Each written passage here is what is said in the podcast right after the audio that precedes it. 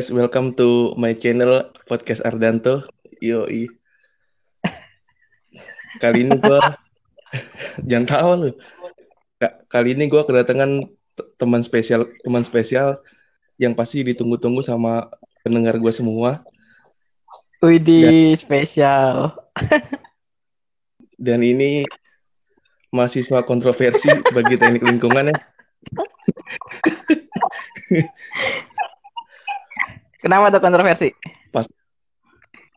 Gue yakin banyak pendengarnya sini. Soalnya tadi gue ngirim screenshotan kalau gue mau podcastan sama lu.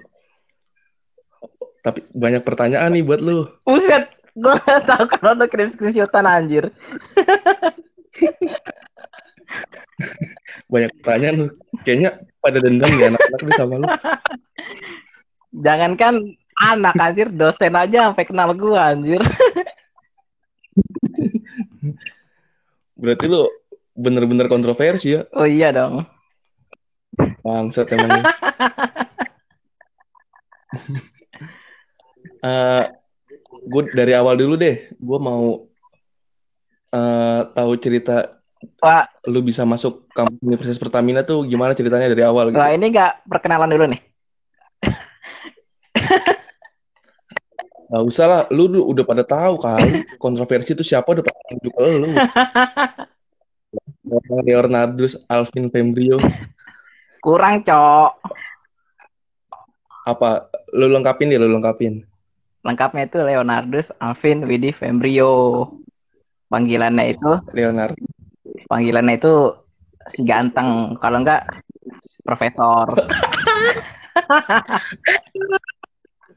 Nanti kalau teman-teman gua up, upload di di Instastory sama di gue biasa di Instastory sama di WA. Nah, Nah, nanti kalau gua tag Instagramnya buka aja ganteng banget orangnya, sumpah ganteng banget. Ganteng banget orangnya. Suka pasti cewek-cewek kelompok-kelompok. Ayo ceritain dong. apa awalnya? Ya, gimana ceritanya lu bisa masuk kampus kampus terkece? Kece. Awal awalnya itu eh gue diajakin teman gue si satu satu SMA. Hmm, sekarang di UP juga apa enggak? Iya di UP juga. Jadi gini, dia kan punya abang si teman gue ini. Hmm, Abangnya itu emang kayak kerjanya itu di bidang kayak crude oil gitu, di bidang minyak gitu. hmm. Nah, dia tuh ngasih informasi nih ke dia, ke temen gua. Wah, Pertamina lagi eh udah buka universitas tuh, coba aja. Nah, akhirnya gua diajak kan. Nah, tapi bangsatnya adalah tiba-tiba dia tuh udah tes yang gelombang satu. Gua tuh nggak dikasih kabar. Dan dia udah diterima. Kan kampret ya anjir. Oh gitu. Jurusan apa temen lu? Perminyakan. Perminyakan. Terus terus. Terus ya udahlah, gue ikut gelombang dua sendirian. Gelombang dua berarti di Pertamina Pusat dong? Iya, Gue juga gelombang dua. iya di gue di itu ruang mezzanine inget nggak? Yang gede, lantai dua. Iya itu. Iya gue juga, gue juga di situ tesnya di dalam. Nah iya gue juga di situ. Kan kita belum kenal coy. Iya terus Nah di, lu lulus tahun berapa? sih? gue tuh lulus tahun 2000 Ya 16 ya berarti kan.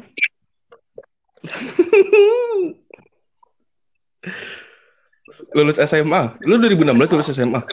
Iya kan? Oh ya, next next next. Lanjut lanjut tadi. Nah, ya udah. Awalnya tuh gue pesimis cok. Soalnya pas tes itu, tau gak? Ada hal lucu anjir. Kenapa tuh? gua tes kan ya udah bekal bekal otak aja gitu ya yang yang nggak pernah dikasih soal-soal gitu kan nah tiba-tiba pas gua masuk ruangan depan belakang kiri kanan gua tau nggak ngobrolinnya itu tentang olimpiade anjir pas bener-bener depan belakang kiri kanan. Anjir. Gue diem aja dong. Anjir mereka sainganku parah-parah anjir. Terus terus. ya udahlah gue kerjain aja sebisa gue ya untung kan gue pinter ya. Jelas diterima sih.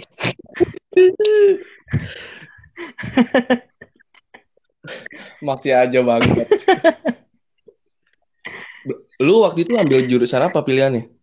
ya gue ngikut teman gue yang pertama itu minyak nah yang kedua itu tackling nah tackling itu sebenarnya gue asal pilih aja gue milih-pilih yang nggak pernah didengar aja yang nggak pernah gue denger Goblok. Akhirnya lolos tuh. lolos tapi yang eh, pilihan kedua Emang waktu angkatan kita minyak susah cuy. Minyak sama manajemen setahu gue susah deh. bukan susah sih Soal kalau katanya emak gue pas ikut apa yang perkumpulan orang tua itu Hmm. dikasih tahu kalau yang minyak yang milih minyak itu bejibun banyak banget dan ternyata yang lolos kayak yang lolos standarnya minyak itu banyak ya kan Hmm. nah sedangkan per gelombang itu ada kuotanya tuh misalnya gelombang satu yang minyak itu berapa orang gelombang dua ber- minyak berapa orang tapi banyak yang lulus akhirnya yang lulus tapi nggak masuk kuota dilempar yang ke opsi selanjutnya gitu yang kedua ketiga Berarti yang nilainya itu di bawah ya? Maksudnya yang paling bawah dong nilainya berarti yang dilempar. bisa yang paling bawah atau enggak yang itu yang kan yang yang nilai nggak tahu ya bisa ya yang nilai pertama ini udah lolos nih masuk yang kedua masuk yang ketiga wah udah penuh nih padahal nilainya lebih tinggi ya nggak masuk gitu bisa kan gua nggak tahu nilai yang nilai gimana kan Oh, soalnya waktu itu gue tes juga. Nah, gue SKSD nih sama teman gue sebelah. Soalnya teman tes gue jauh kan, maksudnya tempat duduknya jauh. Hmm. Nah, dia, lu ngambil jurusan apa? Gue tanya gitu. Minyak, gue udah ditolak nih dari kemarin, gelombang satu. Ini gue sekarang gelombang dua. Tahu nih, gue pasrah. gue dipaksa soalnya tes di sini. Nggak lolos-lolos katanya. Dia dari SMK Migas, dia dari, cepu iya dari, eh, iya SMA itu. oh Kata gue, anjir gila dong ini. Dan lucunya lagi, itu kan tes TPA ya. iya TPA doang Kita kan nggak, kita- kalau misalkan kayak SBM gitu kan, ketahuan lah yang pinter yang lolos lah istilahnya gitu kan ya. Mm-mm. Ini kan TPA, gak tahu gue. yang pinter yang mana, yang goblok yang mana kan kita nggak tahu ya. makanya Orang teman gue itu, kan gue tes bertiga. Mm-mm. Kayak jurusannya sama, jurusannya sama nih kalau nggak salah. Geofis juga waktu itu. Oh, jadi dua-duanya. Jadi lu Gue tuh sendiri. oh, lu sendiri Iya, wah kata gue nggak susah juga berarti selektif juga ya. Gue pikir gitu sih. oh Karena memang waktu itu TPA itu kan berapa menit ya tesnya ya? 120 menit kalau nggak salah ya. aduh gue lupa 120 menit, 150 soal. Gue inget tuh. Nah itu gue baru ngerjain 90 soal.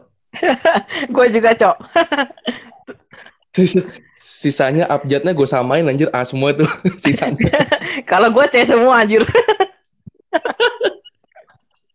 gue C semua. Lu kenapa pilih C waktu itu? Eh, dulu tuh ada nih di temen SMA. Dia itu pinter juga. Pinter. Dia tuh hitungannya tuh bahkan lebih pinter daripada gue ya. Hmm. Oh lu pinter ya? Oh iya baru tahu gue. Maaf maaf. maaf. Gue tuh pinter banget, tapi itu jauh lebih pinter gitu loh. Ya, lanjut lanjut lanjut. Iya. Jadi eh, kalau kita ngomong, kalau kita ngobrol tuh, kadang suka dibawa bercanda kan, tapi kadang kan suka suka dibawa beneran gitu kayak dia itu pernah ngomong kalau misalnya soal pilihan ganda, kalau lu nggak bisa jawab, biasanya yang paling cemerlang itu Kevin. ya udah gue pilih C semua aja. Goblok. Itu omongan orang pinter itu. Iya, Hajir. nggak segitunya dong itu oh pinternya segitu anjing aduh Dia sekarang ITB oh iya wah maaf berarti teorinya berarti kayak benar teorinya. Berarti benar. Ampun bang. Ampun ampun ampun. Soalnya gua jawab A itu karena gua sedikit jawaban A makanya gua jawab A. Sesimpel itu gua nggak sampai sedalam itu sih. Mikirnya. Aduh. bangsat. Itu pun gak mikir anjir kita. oh iya ya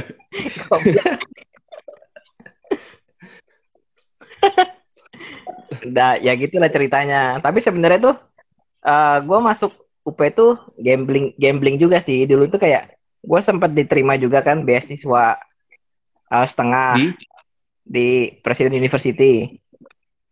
hmm iya iya terus Terus juga sempat jalur prestasi di di kampus swasta di mana namanya? Di Jogja di YKPN. Beasiswa juga prestasinya apa cuk rapot eh, rapot ya rapot. hmm, terus Jadi nggak usah nggak usah tes langsung masuk masuk aja gitu. Terus juga gua keterima di itu apa Sanata Dharma Jogja Jogja. berarti banyak juga yang lu apply ya Iya. Soalnya emang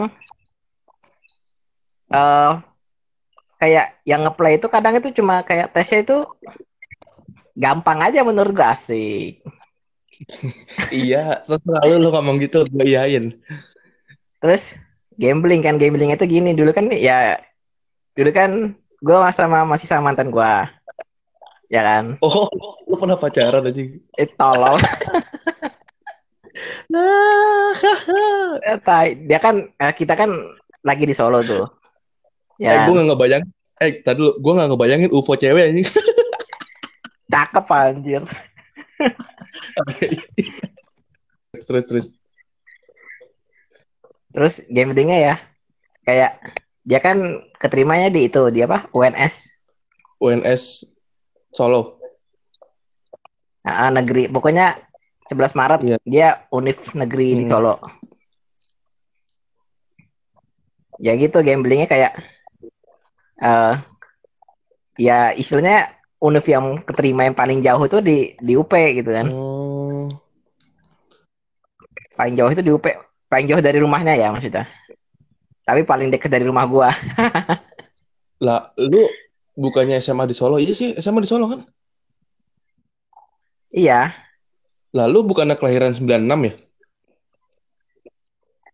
iya kayak kan gini jadi ceritanya SMA gue itu gue 4 tahun. 4 tahun itu bukan gua nggak naik kelas anjing. Tapi emang emang kan lu pinter gak naik kelas sih sistemnya anjing. 4 tahun. Kan lu pinter gimana? Nggak ada yang percaya dong kalau lu nggak naik kelas. Naik, naik.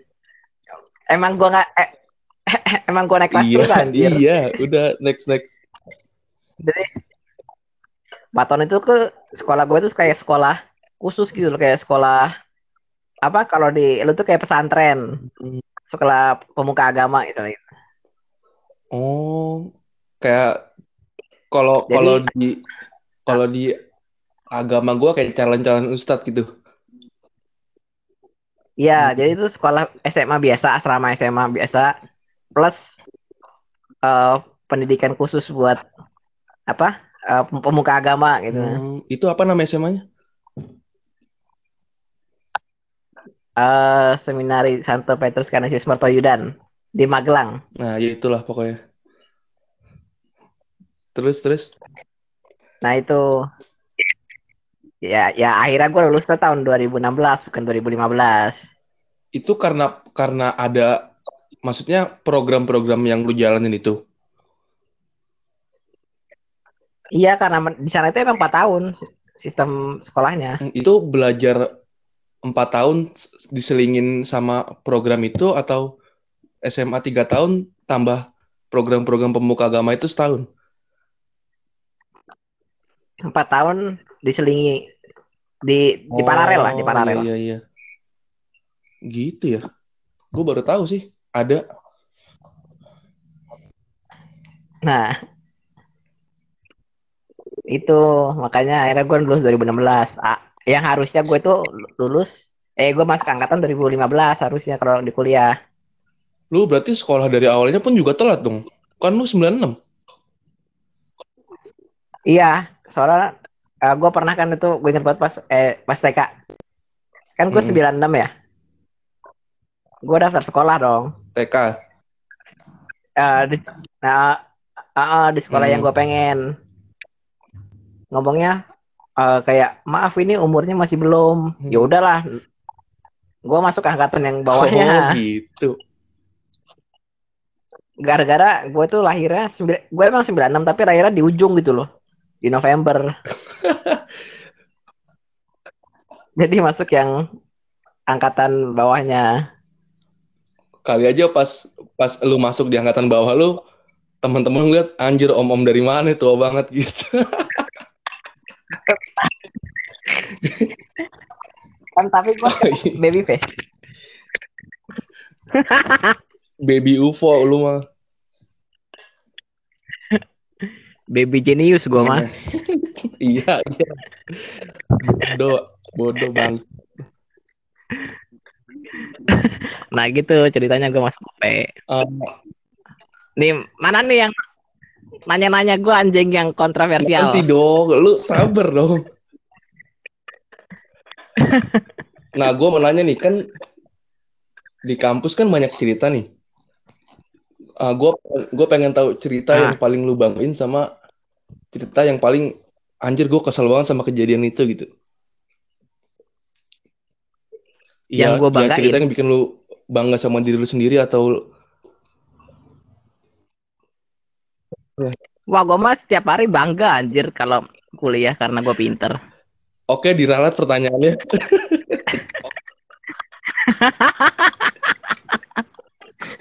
Anjir, salah aja gua.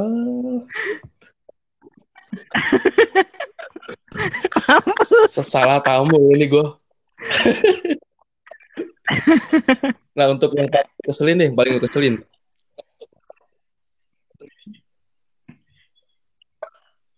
Lu sekelas kelas permodelan sama gue gak sih? Pernah. Pernah pemodelan kan? Iya, yang sama itu. Ceritain dong, ceritain dong. Yang sama itu kan, yang sama mantan dosen Iya, tekling yang pindah ke Dong dari awal dong. Kan nggak tahu nih pendengar-pendengar nih pada nggak tahu ceritanya. kayaknya udah pada tahu deh. Gua jujur tahunya tahu-tahu lu diusir gitu. Gua nggak tahu kenapanya. Bukan yang diusirnya, yang diusir mahnya, Pak. Yang diusir mah gue juga bodo amat sebenarnya sih. Tapi itu juga nyebelin Ya, sih yang diusir. mana dong berarti yang paling lu keselin? Yang paling gue keselin itu di ujung tiba-tiba nilai gue C anjing. Lah, Emang kenapa? Padahal padahal orang-orang itu gue yang nutorin. Di, di kelas gue termasuk bisa dan dan dosennya nggak pernah nunjuk gue buat maju kan karena di awal tuh dia pernah itu kalau inget tuh dia tuh pernah ngomong eh anak ini ini itu misalnya kayak dipilih anak ini misalnya gua siapa gua sama siapa siapa siapa siapa itu kayaknya nggak bakal maju karena mereka tuh udah udah yang paling bisa gitu. Jadi siap-siap aja yang anak-anak selain di selain mereka bakal dipan- dipanggil apa bakal dipanggil maju. Nah, lah berarti ya kan? Udah iya, digituin terus, tuh. terus, terus. udah digituin tuh.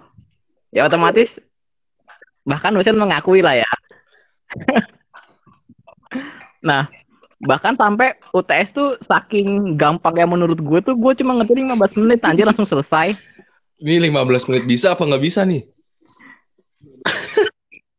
oh, iya, ya bisa lah kan gue pinter nggak mungkin nggak bisa iya. Terus. tapi di ujung-ujungnya tepatnya si anjir anjir Tapi kan emang Nggak- nggak ngerti lagi kontroversinya emang pas Apa? di ku- kuis setelah UTS kan, kuis setelah UTS sama UAS kan? Iya nggak sih? iya itu itu tai sih emang Sumpah, gua gua dapat itu soal ya, gua megang itu soal, gua baca itu soal, gua langsung ketawa anjir dia ngomong ini install cuma 30 menit, emang kampret kampret tuh orang. Enggak, kayaknya susahnya pada waktu pada waktu itu nggak codingnya sih karena kan yang pas matrix itu kan emang kita kan cuma suruh jelasin kan ya kita dapat tuh suruh jelasin kan tahu-tahu disuruh Mm -mm. step by step uh, uh, manual Hitung manual.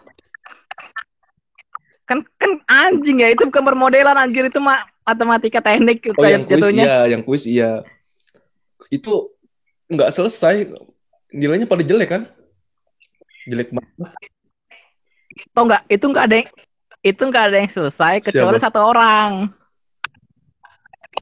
Adalah. Nanti kalau gue sebut sebut aja sebut Bahaya. aja dia nggak bakal sesombong lu juga Nah, iya. adalah pokoknya. Terus terus gue dapat kabar nih katanya ada yang kan juga ada yang sempat protes kan. Terus jawabannya tau nggak Eh, apa? nggak tahu apa Dia dia dia dia, dia tuh jawabnya dengan enak begini. Itu buktinya teman kamu ada yang selesai. Iya iya anjing tapi cuma satu yang selesai. Gue dalam hati gitu. iya sih emang agak ngeselin sih Aduh. dosen itu kayaknya semua semuanya juga gondok sih sama dia gara-gara ya setelah setahu gue ya setelah kuis itu itu kan barengan barengan sama matkul lain dia ngajar ya ya kan sih itu Mm. tugasnya banyak banget kan Oh, mulai pada Wah parah sih naik itu. hitam lah tuh anak ada yang gebrak meja lah Iya. Ah itu gue tanya gue udah meja.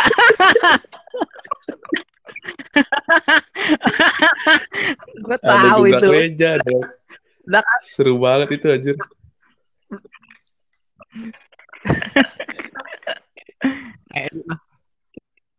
itu yang paling ngeselin sih. Ke umur-umur lu lu punya lu punya dosen favorit nggak sih dosen favorit ada lah. siapa dosen favorit lu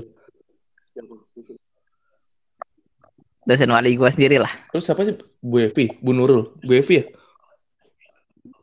oh Bu Bet Bubet. kenapa Bu Bet Hmm. Ya enak aja. Kayak eh pertama dia tuh paling bisa kayak ngerti bahasa gua ya. Maksudnya kan kadang itu bahasa gua itu rada gambling gitu, rada rada rada ya kompleks bahasa bahasanya UFO gitu susah kan. emang bahasa ngerti terus terus Tai. Tapi dia ngerti, dia ngerti maksud gua. maksudnya ngerti dari pertanyaan lu itu apa gitu maksudnya Ngerti dari pertanyaan gua dan jawabannya pun tidak mengecewakan emang ada gitu. dosen yang jawabannya mengecewakan? Bukan eh, yang lain tuh jawab apa kayak dosen lain tuh jawabannya tuh bukan mengecewakan ya tapi kayak eh kurang menjawab gitu. Perasaan gue selama nanya ngejawab ngejawab aja di pertanyaannya. Maksudnya ya clear clear aja kalau gue ya. Emang ada yang dosen yang nggak clear jawabannya Ada. Ngerasain sih gue siapa ya? Ini semua kok clear semua. Ya berarti pertanyaan lu masih level bawah Nggak, gua emang- jauh gitu. Eh, anjing. Emang siapa yang nggak clear jawabannya? Ya ada. Misalnya kayak gua nanya nih ya mana dibalasnya? Ya eh diba- dibalasnya gini misalnya contohnya. Misalnya gua nanya sesuatu ya kasus gitu. Atau soal atau apalah. Dia jawab gini nah itu Vin fungsinya cari paper. Kan sialan ya gue nanya malah disuruh cari paper. Oh gue tahu sih kalau itu.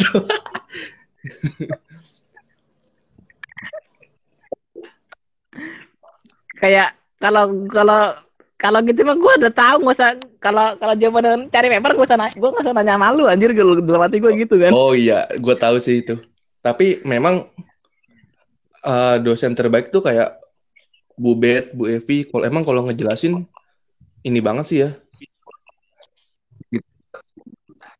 Iya, Bu, iya Bu, Bu Evi juga enak tuh. Bu Evi itu kayak uh, kalau lu cuma kenal Bu Evi di kelas tuh beda banget sama Bu Evi kalau di luar kelas gitu loh. Iya, gue tahu. Karena emang ngerasain juga sih gue dan dia itu kalau ngajar nggak tahu ya kalau gue ngerasa nggak cukup baca buku sih. Nggak cukup ya karena emang real banget iya. orangnya. Kalau saat nah iya saat ngajar ya. Tapi kalau saat di luar itu boh gila. Baik banget. tapi kayaknya banyak yang segen gara-gara mereka tuh kenalnya cuma di kelas doang dia tuh takut berinteraksi hmm, di luar kelas. Berarti lu gitu sering loh. interaksi dong sama dia di luar kelas ya? Iya. Tapi makanya tapi uh, eh, gue lebih prefer milih bubet gara-gara kalau bubet kan mau di dalam kelas mau di luar kelas tetap hmm. seimbang gitu sama gitu. Kalau Evi emang di kelas tuh begitu tipenya emang dia profesionalitas tapi kalau di luar itu udah beh gila baik banget. Tapi dua itu the best. Kalau dosen lain? dosen lain ya ya oke okay lah gitu. Kayak masih so, masih taraf oke okay, gitu. Tapi bukan yang the best. Iya hmm, oke oke oke. Ini gua Apa? kecuali itu ya. Kecuali yang kontroversial. Tapi dia kalau ngejelasin enak-enak aja. Yang dosen itu? Siapa Kan ada dua yang kontroversial sama gue anjing. Gue cuma tahu satu.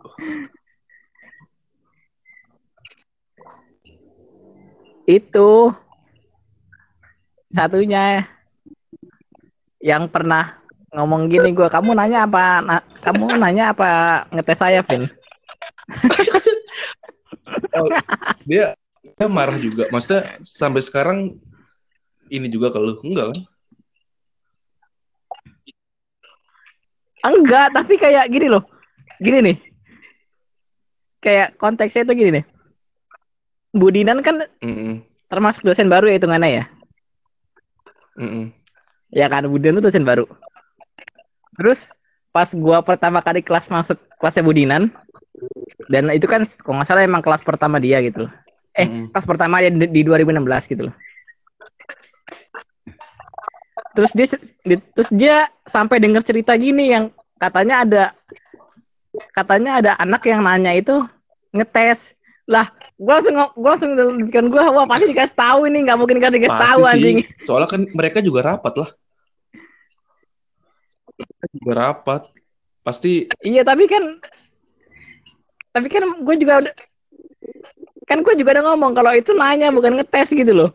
Kok tetap dibawanya yang ngetes di, di, di disebarkan itu yang yang negatif gitu loh.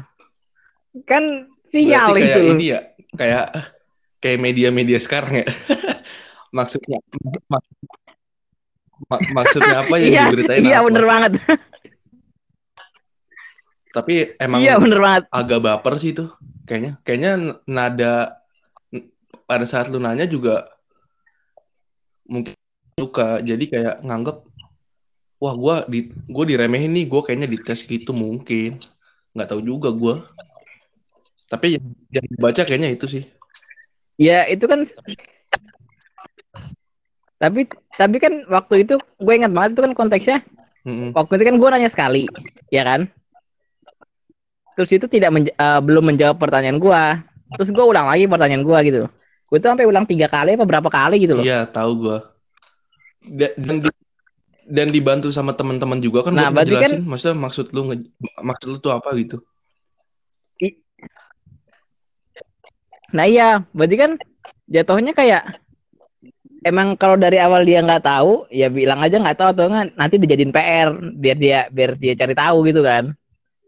Kalau misalnya uh, suatu uh, seorang seorang guru itu nggak tahu kan biasanya hmm. gitu kan jawabannya tapi dia bener-bener gak menjawab tapi nggak mau dikasih PR gitu loh kesannya akhirnya dilempar ke kita lagi hmm. motifnya itu ya biar nutup ketidaktahuan dia Hmm, Iya, akhirnya ya makin lama gue makin itu dong, makin kayak eh kok gue nanya nggak dijawab ya gitu kan kesannya. iya iya iya iya. Ngerti sih gue. Gua gua Ya, gua gua nanya- ngerti gue sih perasaan lu pas tanya. Kamu nanya apa ngetes? Anjir gue ngakak sih di situ. Makanya gue gue juga langsung kaget aja. Kan gue langsung jawab lah. Saya kan nanya bu. Soalnya sebelum itu minggu sebelumnya itu dia tuh ngasih tugas. Ngasih tugas, anak-anak tuh pada nggak ngerjain karena nggak ngerti. Nah, akhirnya suruh ngerjain di, suruh ngerjain di Oh. kelas kan, suruh ngerjain di kelas dan dosennya cabut. Udah minggu-minggu ini Oh. emang apa? Mungkin udah kebawa emosi dari situ juga.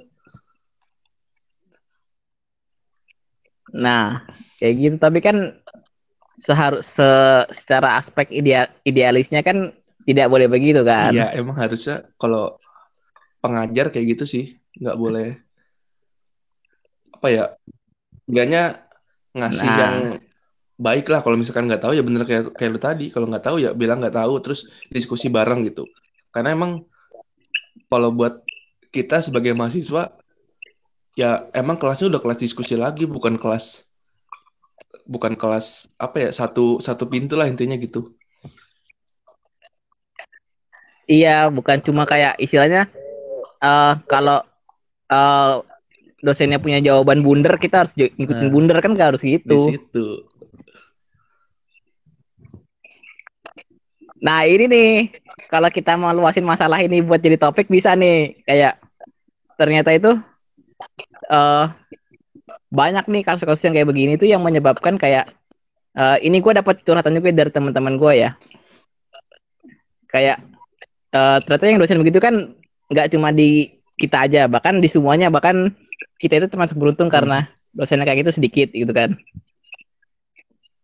Dari teman-teman gue tuh banyak yang begitu, akhirnya jadi kayak eh mahasiswa itu jadi kayak takut. Takut pertama eh takut untuk berbicara. Efeknya itu jadi kayak ngikutin arus. Terus jadi nggak efeknya lagi itu terusannya jadi nggak kritis. Akhirnya jadi pas lulus tuh nggak punya skill. Kayak gitu. Terus takut akhirnya takut untuk apa kayak kalau lulus nanti gue kerja apa Tapi itu- ya akhirnya nggak dapet kerjaan. Nah kayak tapi gitu kayaknya itu nggak terjadi di efek kampus-kampus dominonya besar kayak deh. begitu. Pakai ITB UI itu kayaknya enggak deh Nah iya itu kan terga sebenarnya itu kan tergantung dari eh apa namanya tergantung dari gimana Hmm. cara mahasiswa menyik- menyikapinya kan. Nah mungkin emang kayak kampus-kampus besar kayak UI, ITB, mana itu emang eh, mental mahasiswanya sudah terbentuk gitu loh. Hmm, berarti itu berarti itu banyak terjadi. Nah, berarti tapi itu terjadi untuk- terjadi di kampus-kampus kecil ya? Kebanyakan, kebanyakan. Bak- tapi di kampus besar pun juga ada. Tapi kan makanya yang eh, orang-orang yang mentalnya sudah terbentuk sama belum kan di kampus besar pun juga ada rasionya misal 50-50 Hmm. lah atau 70-30 tapi tetap ada gitu loh. Nah itu yang menyebabkan kayak eh ini ini genera ini kesimpulan awal gue doang ya kayak ini yang menyebabkan kayak eh, terciptanya netizen netizen bodoh yang yang di yang di medsos itu kayak part time jadi tu, jadi Tuhan gitu loh apa apa dijat Karena memang nggak diasah buat berpikir kritis gitu. Maksud lu? Iya, iya. Jadi dia tuh pengen berkomen tapi nggak ada isinya gitu jadinya. Dia pengen berpendapat tapi itu bukan pendapat yang bagus. Jatuhnya malah pendapat yang menjatuhkan gitu. Akibat kayak apa namanya pelampiasan dia sebelumnya yang nggak bisa Tapi dilakukan. bisa gini juga dilakuin sih? gitu. Apa? Kan kalau udah tingkat universitas itu kan apa kemajuan ilmunya pesat ya, cepet ya, istilahnya gitu ya. Nah, nah kan kalau kita mahasiswa istilahnya Nah, lebih banyak porsi buat nyari informasi lain terkait keilmuan itu.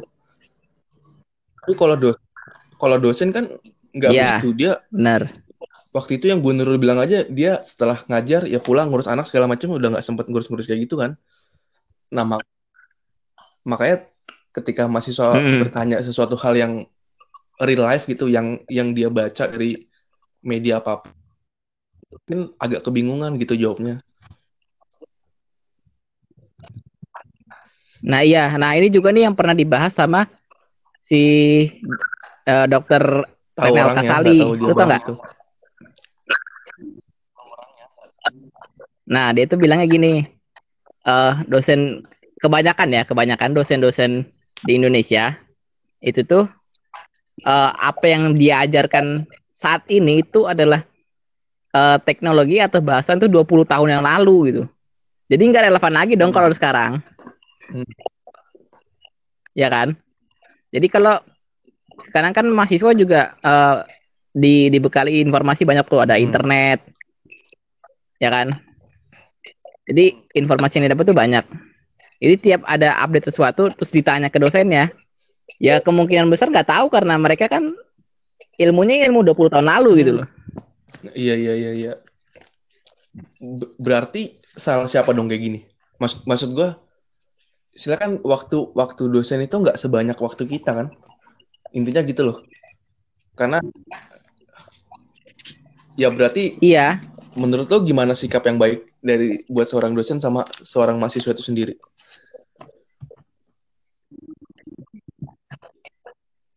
kalau dari sini sih gue nangkepnya itu si si dokter Nakasalnya itu lebih menjurutkan ke arah dosennya sih, bukan ke arah mahasiswanya.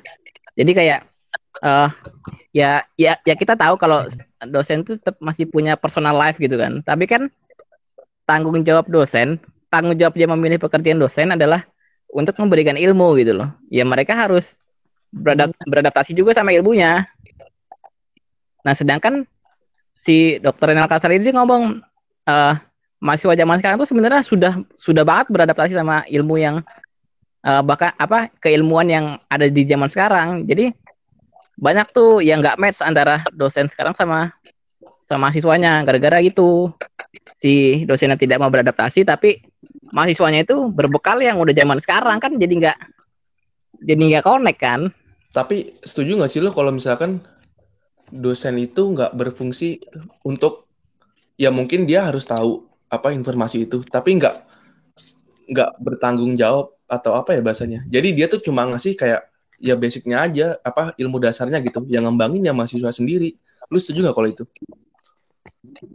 Iya, nah itu gue setuju. Soalnya kan eh, kalau menurut gue emang eh jatuhnya itu yang apa yang gue bilang tadi itu kan jatuhnya ke beban moral ya, bukan ke beban Mm-mm. pekerjaan emang, ya kan? Jadi ya sebenarnya eh itu juga tidak bisa eh itu pun juga nggak bisa disalahkan ke dosennya. Itu emang juga terserah dia gitu. Cuma kan kalau kita dari sisi kemajuan pendidikan gimana kita pengen maju banget gitu loh. Peng, gimana negara kita tuh pengen jadi negara yang eh pendidikannya menonjol gitu. Kalau misalnya gini terus kejadiannya, itu pun gue juga nggak, itu pun gue juga nggak juga nggak nyalain dosen tuh emang pilihan mereka dan dan mereka boleh milih itu. Cuma kan lebih ke arah oh berarti lebih baik moralnya aja sih. lebih baik dosen-dosen itu up to date gitu maksud lo ya Lebih Hmm, baik, tapi berarti bukan memaksa ya. pertanyaan tentang permasalahan yang up to date itu nggak apa-apa dong berarti ya nggak apa-apa cuma kan eh, kayak eh sayang aja gitu kan eh, instansi pendidikan kan tuh sebagai se- sebenarnya kan cuma sebagai fasilitator ya Mm. orang itu kan bisa belajar otodidak juga di rumah ya kan jadi kayak kurang optimal aja fasilitasnya Hmm. gitu loh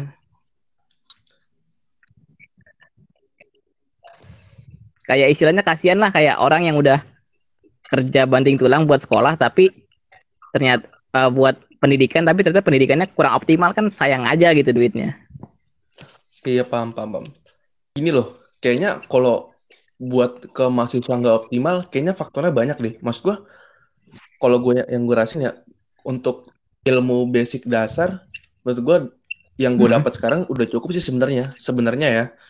Tapi permasalahannya informasi Hmm. re- real, terus kayak up to date masalah-masalah yang up to date itu, kadang mahasiswa juga nggak nggak apa ya, nggak interest tentang itu gitu. Ngerti nggak maksudnya?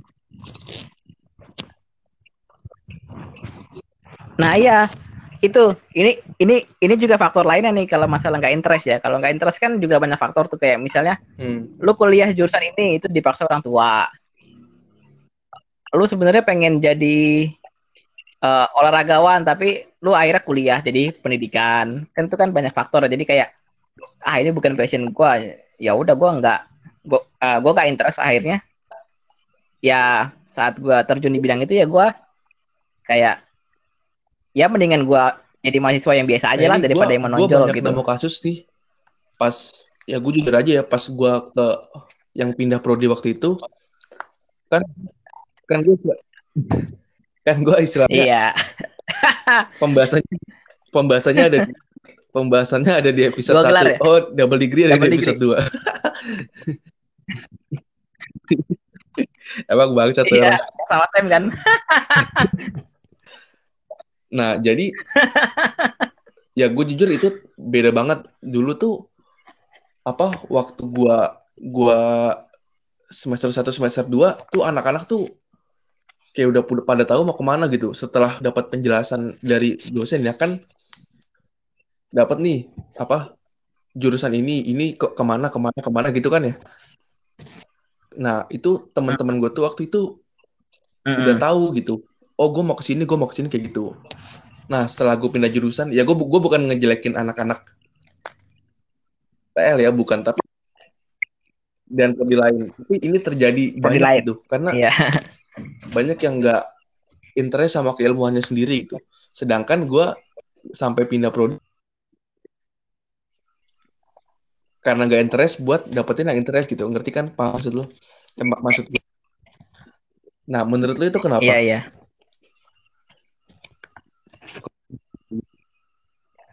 nggak interest itu sebenarnya banyak faktor sih. Pertama, emang lu tidak menguasai bahannya. Bisa aja kan. Yang kedua emang nggak interest tuh karena emang uh, lingkungan hidup lu yang background lingkungan hidup lu emang nggak pernah dijelin itu atau atau uh, tidak ada hubungannya sama itu. Jadi kayak hal baru kadang tuh kalau hal baru tuh ada ada dua nih tipenya juga orang itu ada yang tertantang hal baru tapi ada yang nggak tertantang gara-gara hmm. uh, males hmm. belajar dari nol gitu kayak gitu jadi banyak faktor situ dan itu sebenarnya sebenarnya ya ini sebenarnya itu udah merupakan kesalahan dari awal mahasiswa gitu loh kayak uh, sebenarnya tuh kayak kalau zaman sekarang ya kebanyakan general itu kayak mereka tuh kuliah itu untuk cari ijazah akhirnya untuk akhirnya untuk cuma hmm. kerja gitu kan Bak makanya makanya kadang lu lulus apa kerjanya nah, apa ini bakal gitu. gue bahas nanti nih setelah ini nah terus terus lu masih terus nah, terus taruh belum belum nah de, de, uh, dan mereka tuh kuliah karena akibat suatu suatu batasan yang diberikan sama lingkungannya entah itu orang tua, entah itu uh, ekonomi, entah itu apa gitu. Jadi itu mereka punya batasan akhirnya uh, ya udahlah menurut dia dia itu nggak punya jalan lain padahal tuh mereka punya maksudnya gitu. batasan batasan di sini apa maksudnya? Gue belum paham. Batasan tuh kayak misalnya uh, lo tuh sebenarnya passion banget nih, lo tuh Hmm. Jago banget olahraga. Makasih, makasih. Jago banget olahraga. Ya kan? Iya, iya. terus terus. Kalau juga anjing.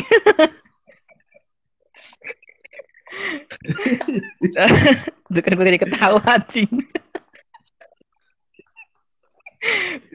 jadi tuh jadi tuh uh, batasan tuh kayak lo tuh jago olahraga. Tapi orang tua lu itu memandang olahraga itu nanti hmm. nggak hmm. ada penghasilannya gitu ya kan iya iya iya akhirnya lu dikekang sama orang tua lu biar ah lu harus kan, masuk kuliah ini di sini sulit lah bertahan kayak gitu ngerti gak sih